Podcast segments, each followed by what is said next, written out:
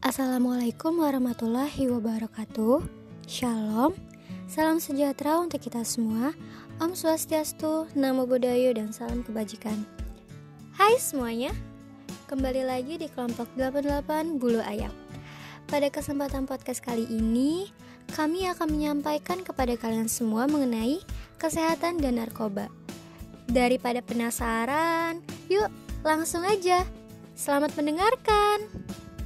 Penyalahgunaan narkoba di Indonesia semakin meningkat dan permasalahan yang ditimbulkan juga semakin kompleks. Kejahatan narkoba merupakan kejahatan lintas negara, terorganisir, dan serius yang dapat menimpa berbagai lapisan masyarakat. Masalah penyalahgunaan narkoba di kalangan remaja dan pelajar dapat dikatakan sulit untuk diatasi karena penyelesaiannya melibatkan banyak faktor dan kerjasama dari semua pihak yang bersangkutan, seperti pemerintah, aparat, masyarakat, media massa, keluarga, serta remaja itu sendiri. Bagai dua sisi mata uang, narkoba menjadi zat yang bisa memberikan manfaat dan juga merusak kesehatan. Seperti yang sudah diketahui, ada beberapa jenis obat-obatan, termasuk ke dalam jenis narkoba, yang dapat digunakan untuk proses penyembuhan karena efeknya yang bisa menenangkan. Namun, jika dipakai dalam dosis yang berlebih, bisa menyebabkan kecanduan. Penyalahgunaan ini mulanya karena si pemakai merasakan efek yang menyenangkan. Apa sih pengertian dari narkoba itu? Narkoba adalah singkatan dari narkotika dan obat atau bahan berbahaya. Selain narkoba, istilah lain yang diperkenalkan khususnya oleh Departemen Kesehatan Republik Indonesia adalah NAPZA, yang merupakan singkatan dari narkotika, psikotropika, dan zat adiktif. Semua istilah ini, baik narkoba ataupun nabza, mengacu pada kelompok senyawa yang umumnya memiliki risiko kecanduan bagi penggunanya. Narkotika adalah zat atau obat yang berasal dari tanaman atau bukan tanaman, baik sintetis maupun semi-sintetis, yang dapat menyebabkan penurunan atau perubahan kesadaran, hilangnya rasa nyeri, dan dapat menimbulkan ketergantungan. Pengertian narkoba secara terminologi sendiri ialah obat yang memiliki kemampuan untuk menenangkan syaraf, menghilangkan rasa sakit, menimbulkan rasa kantuk, dan untuk merangsang daya tahan tubuh. Narkotika dapat menimbulkan kecanduan dan halusinasi jika pemakaiannya terlalu berlebihan. Pemanfaatan dari zat-zat itu adalah sebagai obat penghilang rasa nyeri serta memberikan ketenangan bagi pengguna. Contohnya, seperti pasien-pasien yang diberi obat bius di rumah sakit. Penyalahgunaan dari barang tersebut bisa terkena sanksi hukum yang sangat berat. Dan untuk mengetahui apa saja jenis dan bahaya narkoba bagi sepenuh manusia, simak ulasannya berikut ini. Jenis-jenis narkoba 1 morfin 2. Heroin 3. Kokain 4. Ganja atau kanabis 5. Lysergic acid atau LSD 6. Opiat atau opium 7. Kodein 8. Ekstasi 9. Sabu-sabu 10. Nipam Narkotika golongan pertama yaitu untuk tujuan pengembangan ilmu pengetahuan dan tidak digunakan dalam terapi, mempunyai potensi sangat tinggi, mengakibatkan ketergantungan. Contohnya, heroin, kokain, daun kokain, ganja, dan lain-lain.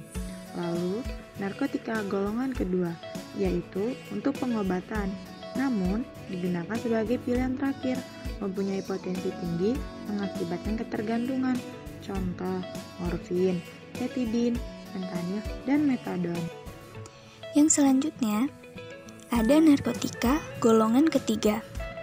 Narkotika jenis ini digunakan untuk pengobatan, serta mempunyai potensi yang ringan mengakibatkan ketergantungan. Contoh dari narkotika jenis ini adalah yang pertama, kodein, yang kedua, buprenorfin, yang ketiga etilmorfina, dan lain-lain. Kemudian ada jenis-jenis golongan psikotropika. Yang pertama, ada psikotropika golongan 1. Psikotropika golongan 1 ini memiliki potensi yang tinggi untuk menyebabkan kecanduan, termasuk dalam obat-obatan terlarang yang penyalahgunaannya bisa dikenai sanksi hukum. Jenis obat ini juga bukan untuk pengobatan, contohnya LSD, DOM, ekstasi, dan lain-lain. Kemudian ada psikotropika golongan 2. Psikotropika golongan ini memiliki potensi risiko ketergantungan yang cukup tinggi, ditujukan untuk menyembuhkan berbagai penyakit. Penggunaannya harus sesuai dengan resep dokter agar tidak memberikan efek kecanduan. Contohnya ada metamfetamin, amfetamin, phenytoin, dan zat lainnya.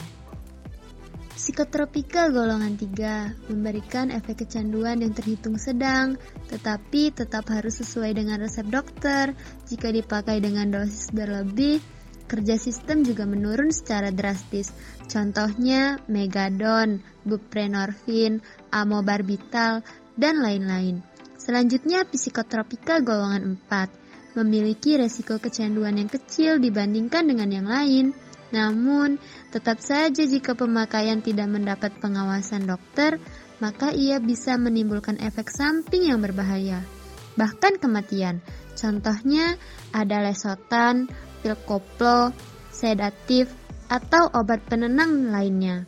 Oke, sekarang saya bakal jelasin nih ke kalian tentang jenis-jenis zat adiktif. Sebelumnya, eh, zat adiktif itu apa sih? Jadi, zat adiktif itu zat yang dapat mengakibatkan adiksi atau kecanduan pada penggunanya.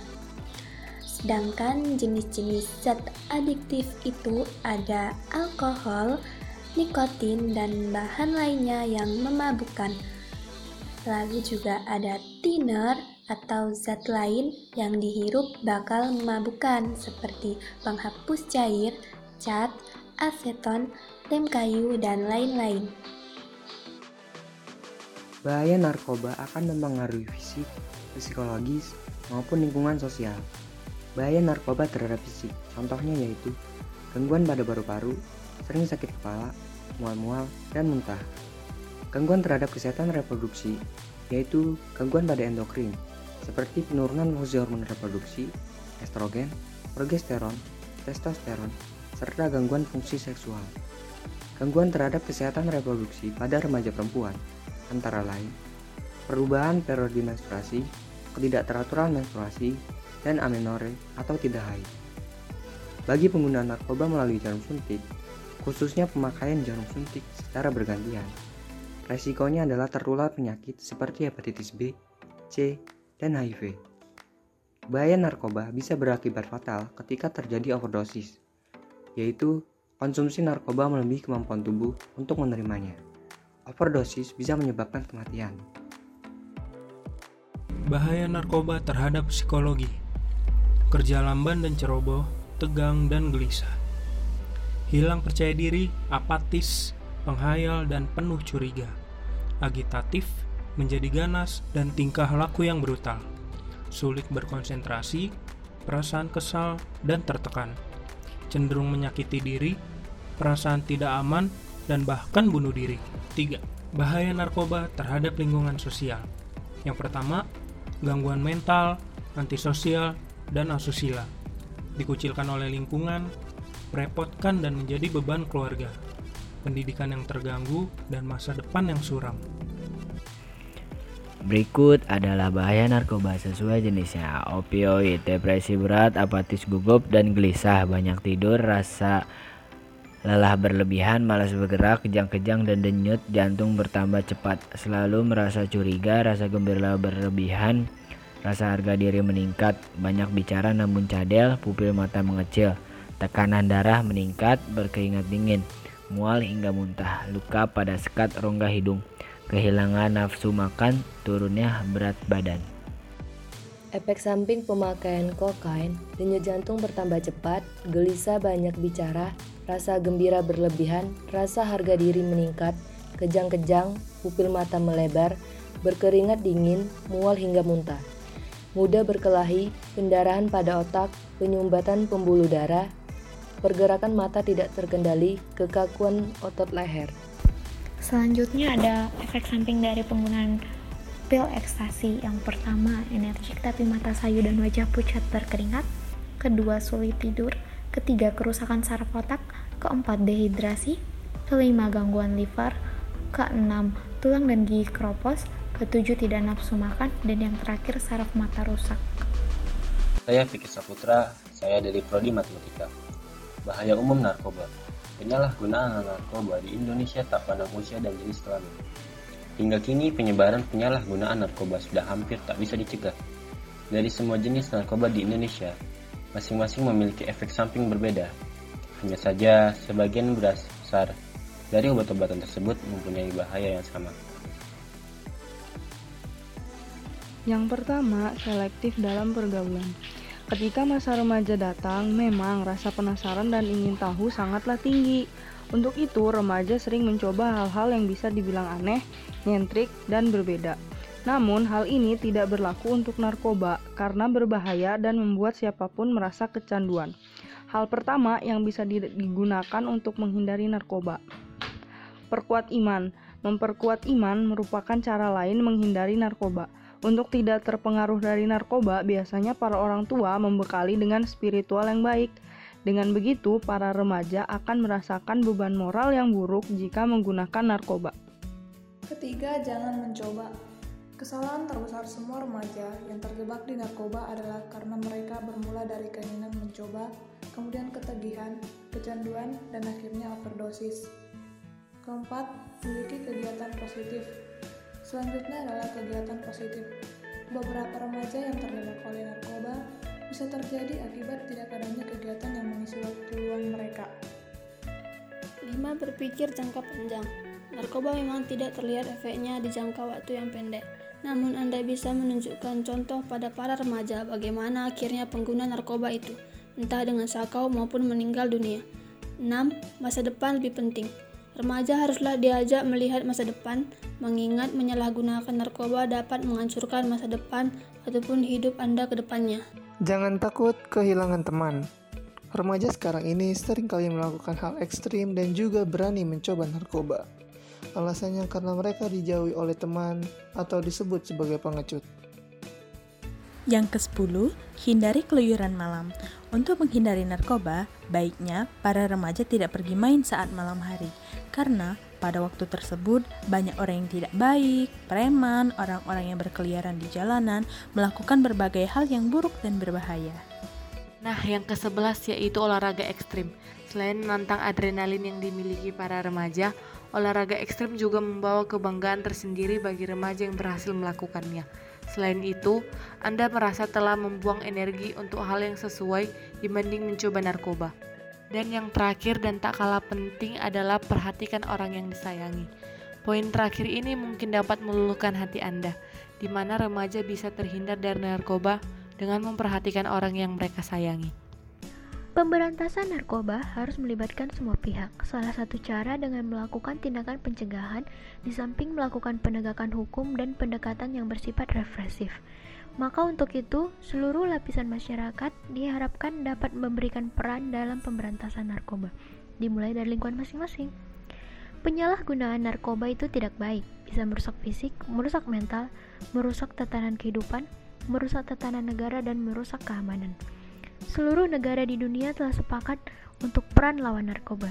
Kita sebagai warga negara Indonesia harus sama-sama bergerak untuk berani menolak narkoba, berani mencegah dan menanggulangi penyalahgunaan narkoba. Menciptakan lingkungan bebas narkoba dapat mulai dari lingkungan terkecil, diri sendiri, keluarga kita, RT, RW, kampung, dan seterusnya. Penyalahgunaan narkoba juga bisa terjadi dikarenakan masalah pribadi yang dialami penggunanya. Maka, kita sebagai sesama anggota masyarakat haruslah peduli terhadap lingkungan dan orang-orang sekitar kita. Maka marilah kita semakin aktif dalam pencegahan dan pemberantasan penyalahgunaan narkoba. agar generasi penerus bangsa Indonesia ke depannya bisa bebas dari penyalahgunaan narkoba. Pesan kepada masyarakat terhadap narkoba agar bertanggung jawab dalam upaya pencegahan dan pemberantasan penyalahgunaan narkoba.